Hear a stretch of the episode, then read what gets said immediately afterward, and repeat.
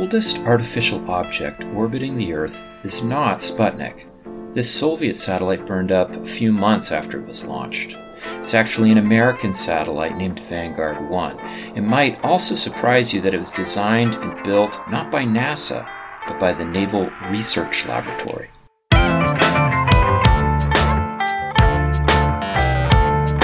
It's time to eat the dogs. I'm Michael Robinson. Today I speak with Angelina Callahan about the Vanguard project. While Vanguard 1 was driven by Cold War competition, it was also a lot more than that a scientific platform for understanding the space environment, and a test vehicle for satellites to come. Callahan is the Naval Research Laboratory historian. She is the co author of the book NASA in the World 50 Years of International Collaboration in Space. Angelina Callahan, thanks for talking with me today. It's absolutely my pleasure. Thank you for having me.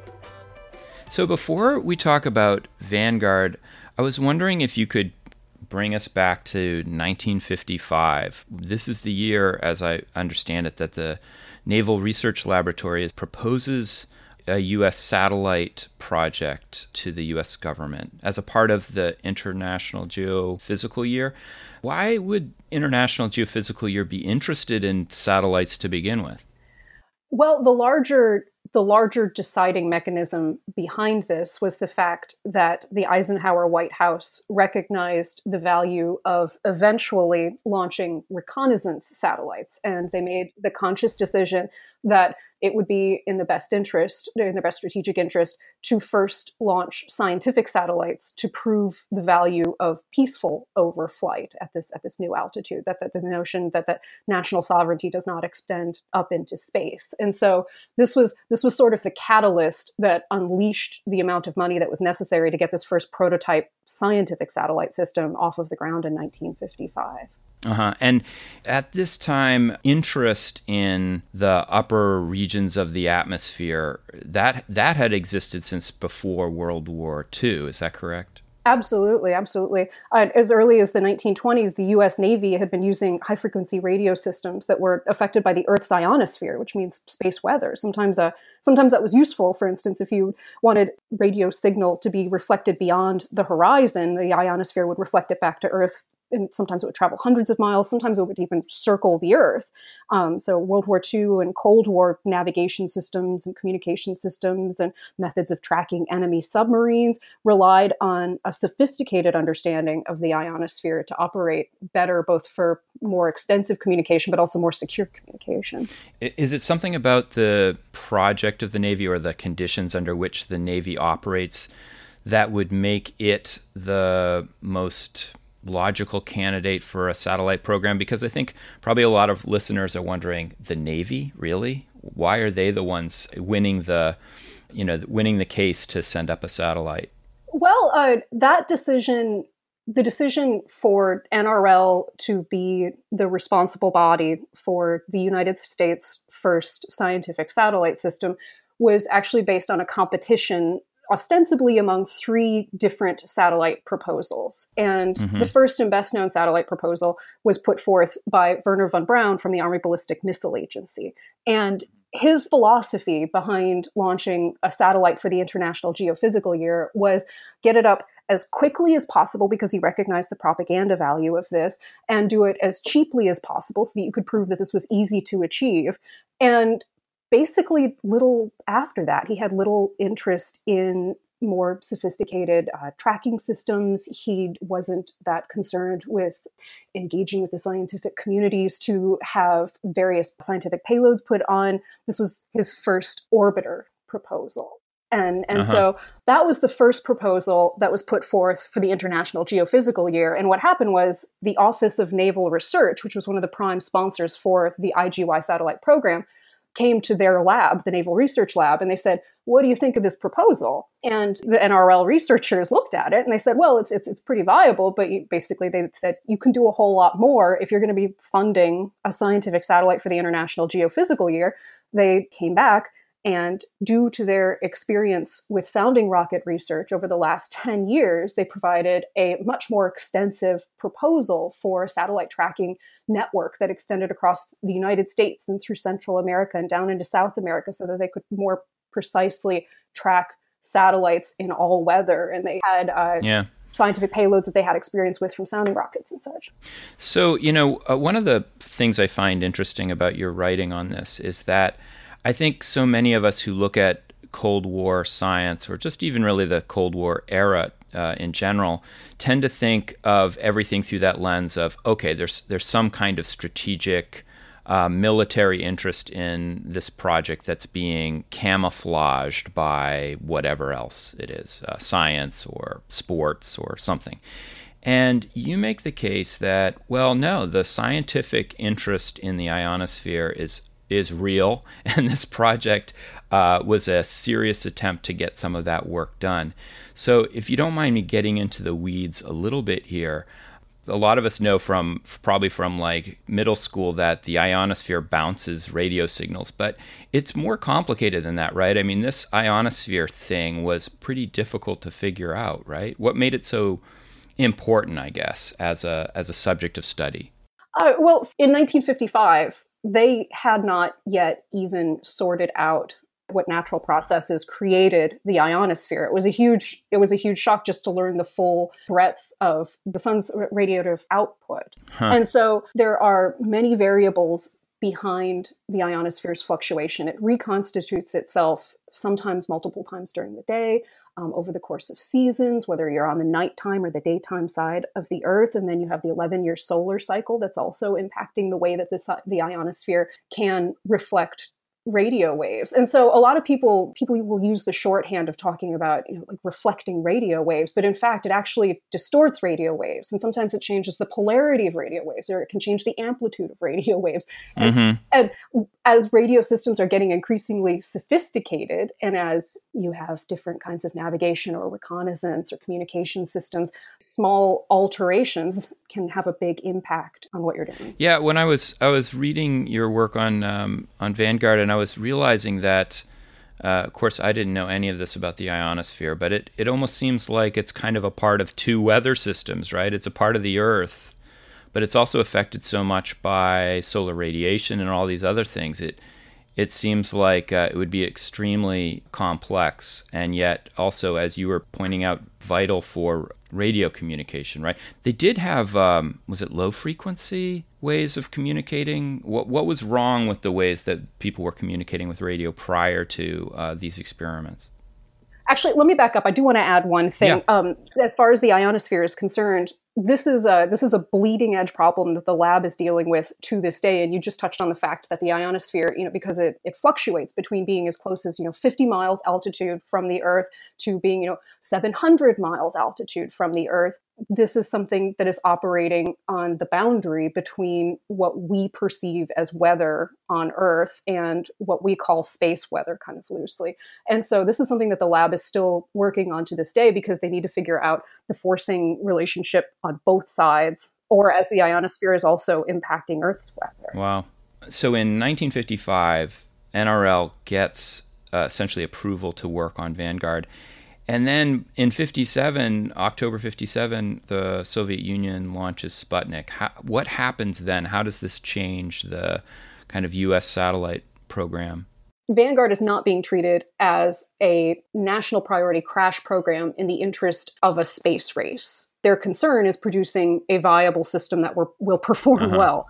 And when Sputnik is first launched in October of 1957, this comes as a surprise to the broader communities, but it's not a total shock to the vanguard professionals who've been operating in this international network for quite some time. They know that the Soviets had announced that they were eventually going to launch an IGY satellite. They never gave a clear indication of when it would happen. There was an announcement a few days before its launch saying that their launch was, uh, I think the, the translation was impending or something like that. What is important is that on August 21, weeks before the launch of Sputnik, the Soviets do launch an R 7, which was the launch vehicle that was used for Sputnik in a test fire. And this does raise concern uh-huh. among uh-huh some in the DoD communities who recognize the, the, the utility of that for launching satellites. So Sputnik goes up, and Vanguard, which, as you were saying before, is really being developed not as a let's get their first project, but a, a real scientific project to study the ionosphere. Is there pressure at that point to, I don't know, get something up quick? Absolutely, and it wasn't just about the ionosphere and solar radiation. They also um, they also had a, a, prototype weather satellite instrument on one of the Vanguard uh, the Vanguard satellites planned for them. But there there is pressure for them to rush, and the first thing that happens is that there was a test vehicle planned for the first week of December in 1957, and what the lab winds up doing is they develop a miniature satellite vehicle. They call it the grapefruit because the actual Vanguard satellite buses were about 20 inches and the grapefruit was much smaller. It was about eight or nine inches in diameter. And um, they develop the grapefruit and they call this a test vehicle because the original plan was just to fire all three stages of the rocket to prove that they could get the launch path uh-huh. and that all three stages would work as anticipated when they really launch a satellite. And so instead, they launch a test vehicle. Uh-huh they try to launch a test vehicle in December. They add the grapefruit satellite onto it, which basically only has a tracking transmitter on it. And the rest is history, right? Like this is Flopnik, this is Kaputnik, this is the launch that goes yeah. up in flames on, on television for the world to see. So, of course, the Vanguard team is crushed by this and they come under more pressure. Shortly thereafter, nationalistic concerns come into play and it is determined mm-hmm. that the von Braun team will be permitted to enter into the IGY satellite portfolio. And so oh, and so, well, they, they, they, managed to get a satellite up, the, the first U.S. satellite up. Um, and so, when they enter into the IGY satellite, that was uh, sorry to interrupt. That was Explorer, Explorer One. Yes, Explorer One. And so, it's determined von Braun and his team, who've been waiting in the wings anxiously for their opportunity to, prove, uh, to prove themselves, are brought into the IGY program. And what happens is they reevaluate the manifest, the launch manifest of scientific instruments that were supposed to go up on Vanguard, because these things takes they, they took years to design and test and uh-huh. build, and for you know systems integration for the whole satellite to work together. And this was all under nrl's supervision. And so then they begin working to transition hardware from what was going to be vanguard payloads to the explorer system. And one of the first uh, one of the first scientists to to pick up and uh, to move shop is uh, van allen Van oh, Allen takes mm-hmm. his, his radiation belts experiment over to explore. So, what what was the reaction of NRL scientists and policy people to um, the Army coming in to cannibalize their Vanguard project and stick it on a an Army rocket? I mean, it can it couldn't have been very they couldn't have been very approving of it. Well, you know, I find I've, I've found documents from, from the National Academies of Sciences in which the main concern that's being voiced at this time is not so much who launches the payloads, but that the nationalistic space race powers that be recognize that implementing a crash program is not going to make this a more methodical and successful program necessarily yeah. right? Like you can you can unleash all the money and you can reduce the time but you know you've heard the you've heard the famous saying about faster better cheaper? Yeah. Pick two yeah. right? Like and so there are lots of pleas that are basically going out saying you know like like let's let's keep this methodical let's keep this practical and be thinking about the rate at which we're going and um, as you know they're under a lot of pressure to show that the us can launch you know like multiple successful satellites yes there was something of an animosity between the uh, two teams that dates back to the earlier days of von Braun's fantastic prognostications about about space flight and space exploration. Now. Did uh, did Explorer have a lot of components from Vanguard? I mean, what could Explorer actually do? They they carried the scientific payloads that had been developed originally for Vanguard satellites. They carried their own microlock tracking transmitters. Mm-hmm. The Minitrack tracking network that was used to track both the Vanguard and the Sputnik satellites was also used to track the Explorers as well after the, the launch of Explorer One, uh, the Vanguard program doesn't go away. It seems like it continues.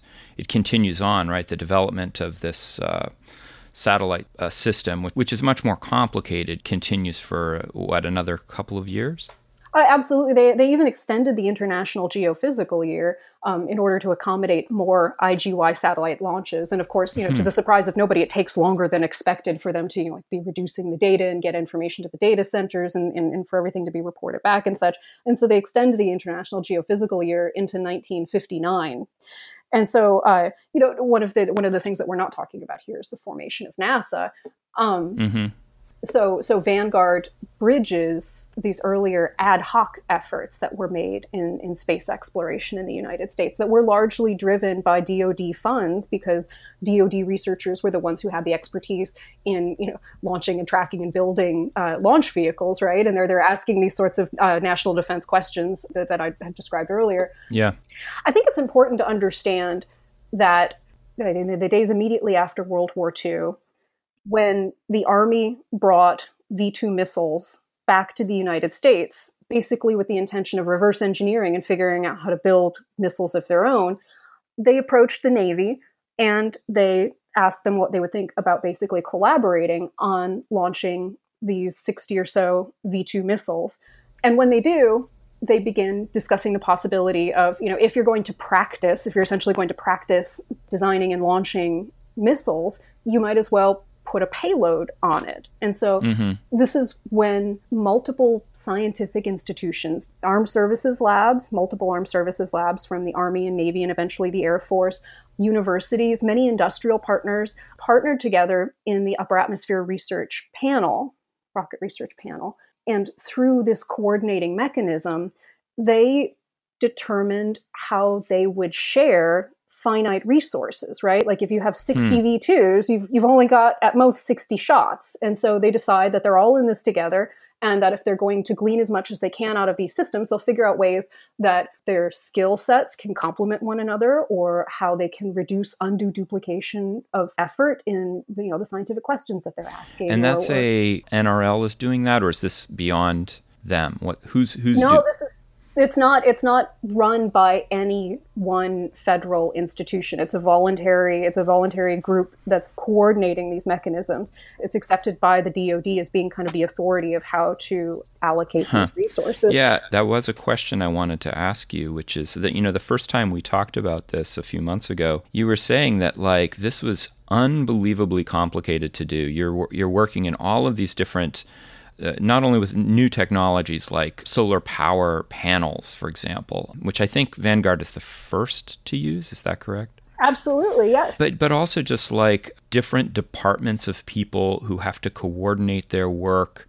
And so I was wondering if you could talk about that. Just how did all of these different units of people figure out a way to put together this unbelievably sophisticated project, which maybe we take for granted now with you know launching you know the International Space Station and things like that. But it it seems like it's a pretty remarkable thing some people want to hear that you know like the cold war initiative or the space race drive made people work better together. But you know there, there are so many things about you know like like dod contracting or inter-service rivalry and things like that that are just kind of timeless issues. It, it's hard to talk about the ebbs and flows of those in a really broad way. But one thing that i, I, I did hope to emphasize while you and i were yeah. talking today was the fact that you know crucial partners in these earliest days, all the way back in the 1940s space exploration that was taking place, were these were these industrial partners who were there and had their own skin in mm. the hmm. game and were participating in this research. I think that there's a lot of shorthand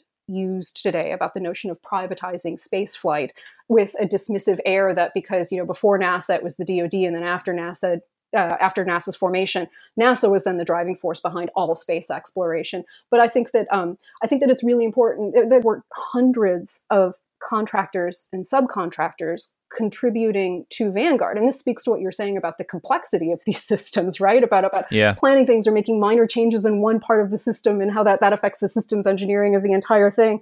We have IBM computers that are placed in multiple places for tracking the satellites. And, and you know, at that point in time, computers were, were, were generally leased. And so they had an ongoing relationship with IBM. RCA had actually taken a lot of the initiative in producing the individual solar cells that were used on satellites. And they had been partnering with the Army Signal Corps lab for many years working on these solar cells that would be used in a solar system for batteries, for powering satellites. You have GE and you have Martin that are producing individual stages that are on the three stage Vanguard launch vehicle. Do you get the sense that these uh, private contractors are just working on a kind of pay for fee. Uh, I don't know what the there's an expression for it. I'm forgetting what it is, but essentially being subcontracted by the government. Can you build X for us?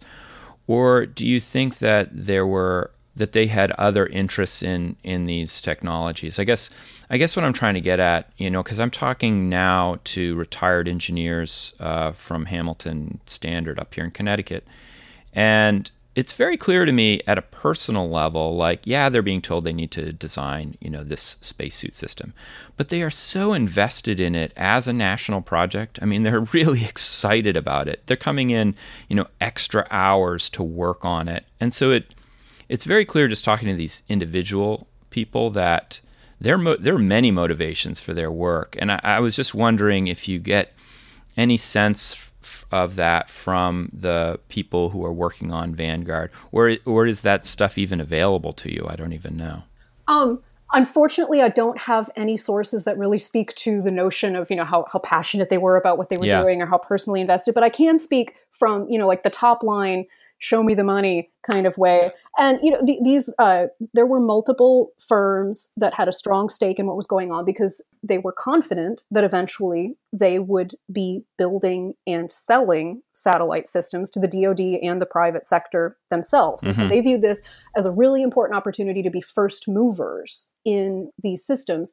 I think all of the partners in Vanguard and the sounding rocket work before that recognize the importance of prototyping as an opportunity to get hands on experience with brand new systems.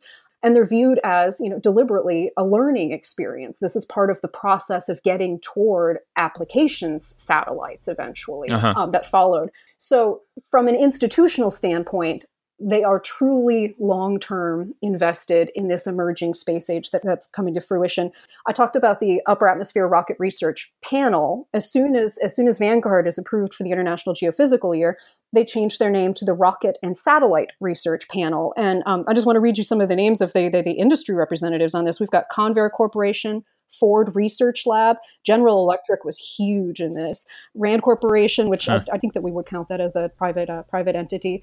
Oh, General Electric shows up more than once, and these these are on the leading bodies of the rocket research panels. This isn't this isn't counting all of the the work that's going into it. So these folks are sitting at the same table as the universities that are providing a lot of the principal investigators for the scientific instruments, and you know like the Army Ballistic Research Lab, Air Force Cambridge Research Lab, and NRL. They're they're at the same table. you mentioned earlier that this is really kind of in the prehistory of NASA. NASA doesn't exist yet and so many th- functions were taken over by NASA. Are there ways in which Vanguard expresses its Navy history, Navy culture? Um, I think that the most important connection between Vanguard coming to fruition and NASA as we know it today actually can be best teased out by looking at the origins and crucial role that the Office of Naval Research plays in this time period. So mm-hmm. as, as you know, the Office of Naval Research emerges like the like at the Upper Atmosphere Rocket Research Panel, they emerge immediately after World War II during this this zeitgeist of the sense that, you know, this they just come out of the the war, the, the physicist war, right? The so-called physicist war. And yeah. and you have all of these new technologies that have changed the face of warfare. You have you have radar and you have atomic weapons and and so immediately after World War II, you have the strong sense that if the country continues to invest heavily in fundamental research, however we choose to define that, which is can be can be tricky too. Um, but but if the country continues to to invest in science, then the mm-hmm. applications mm-hmm. will follow. Then then you will stay ahead of your adversaries, right? And so the Office of Naval Research remains a key player in supporting science in the United States throughout the 1950s. NSF emerges, and it takes them, you know, a couple of years to get to get their feet under them, and gradually they find a, a sort of equilibrium in spending between ONR and such. This is NRL's parent organization, the Office of Naval Research, and so uh-huh. I think the important philosophy that carries over to NASA here is this willingness of the country to scope out funding for scientific research on the understanding that sometimes the scientists may not even be able to articulate precisely which weapon systems this will improve. One of the really important things that we have lost historiographically about NASA is that NASA was actually born of that same philosophy, right? Like when they when they cleave NASA off, huh in yeah. in this in this emerging space race that is portrayed as a missile and satellite space race when they cleave off nasa they're defining this mm-hmm. in the earlier days it's less about defining it as civilian for some parties and it's more about defining it as a place for fundamental scientific research interesting yeah. and so uh, so so one of the things that I spend a lot of time wallowing in in my dissertation because we all wallowed a little bit uh, are the the thousand more than a thousand page multiple volume missile and satellite preparedness hearings in which uh, LBJ is basically grandstanding the fact that you know like like the United States is behind and that it's Eisenhower's fault and that and that you know like the parsimonious Republicans have have you know like kept us behind in the space race. And um, key figures in the rocket and satellite research panel who had been working on sounding rockets and then working on the Vanguard program use their testimony as an opportunity to communicate to Congress that the formation of ARPA was a very important step for national defense and for the future of space systems, mm-hmm. but that ARPA was insufficient because what they also needed was a line of support for space science research. Mm-hmm. And ARPA, ARPA was not going to solve that problem. And the funding structures at, uh, as I point out in my dissertation, the Weather Bureau, the funding structures at the NSF, the funding structures at ONR were, were tailored to smaller and different research programs. And, and NACA, of course, is, is one of these is one of these institutions that are taken into consideration. The Atomic Energy Commission, all of these all of these pre-existing uh, traditional sponsors yeah. of pre-space age research um, were were judged basically inadequate for this new this new problem that was faced, and so that's what that's where ARPA comes from. But multiple representatives from the International Geophysical Year come forward and they say that's not enough. It's not enough to throw a whole lot of money at the advanced research project agency. You need a place that's going to do the science to back that up. Since you were talking about Johnson and and some of the things that flow out from Vanguard. I was wondering if you could talk about the legacy of the satellite. I mean, I know it's still up there, right? It is absolutely. It's still. In, they estimate it'll be in orbit for about another 800 years, I believe. Oh, that's awesome. Um, but um, so. but uh, just in terms of its, I guess, its influence on or application to later satellites or different kinds of scientific projects, or even the way that they're organized, what what do you think its legacy is? Well, the first the first legacy I, I, already touched on is the testing and engineering regimes yeah. that were developed for these systems. There, there were there were small problems. There were definitely problems with the IGY satellites, but none of the scientific instruments proper ever failed in the IGY. Mm-hmm. Uh, the weather payload that's on Vanguard two doesn't the camera doesn't work properly because the orbital insertion had messed up the spin on the satellite. But all of the mm-hmm. the payloads actually did work, and so when the Vanguard team is transferred over to NASA, they bring these, you know, at this point, decades of, of know, this, this decade of experience with them from the sounding rocket years and then, of course, Vanguard to NASA Goddard when it gets formed. And that's one line. From For NRL's purpose, they actually retained a core of talent from Vanguard. And of course, they still have, you know, all of the, the memo and technical reports that come out of this and a lot of the hands-on lessons that have been learned by pulling together these space systems. And so in 1960, the Naval Research Lab launches the world's first reconnaissance satellite. And shortly mm-hmm. thereafter, they launch a transionospheric communications satellite. And then soon thereafter that, they're working on prototype systems for the forerunner to GPS constellations. You can track, you can track these subsystems and you can track the careers of individual people from that IGY and sounding rocket experience directly into these new systems. And there's more work to be done there on this labor history element uh-huh. talking about the value of in-house r&d for the dod as well. So the, the idea of maintaining this talent as people work through their interdisciplinary careers. Angelina callahan thank you so much for talking with me today. Thank you for your time. I really appreciate this. This has been a pleasure. That's it for today. Make sure you check out Time to Eat the Dog's website and Twitter page for links to some recommended books on early space science and other exploration related stuff. The Twitter page also has a link to Zabrat, the great band that composed our music. Please rate and review the show wherever you get your podcasts. It really does help make the show visible to new listeners. And if you want to recommend a guest or make a comment, always feel free to contact me at time to eat the dogs, that's one word, lowercase, at gmail.com. See you next week.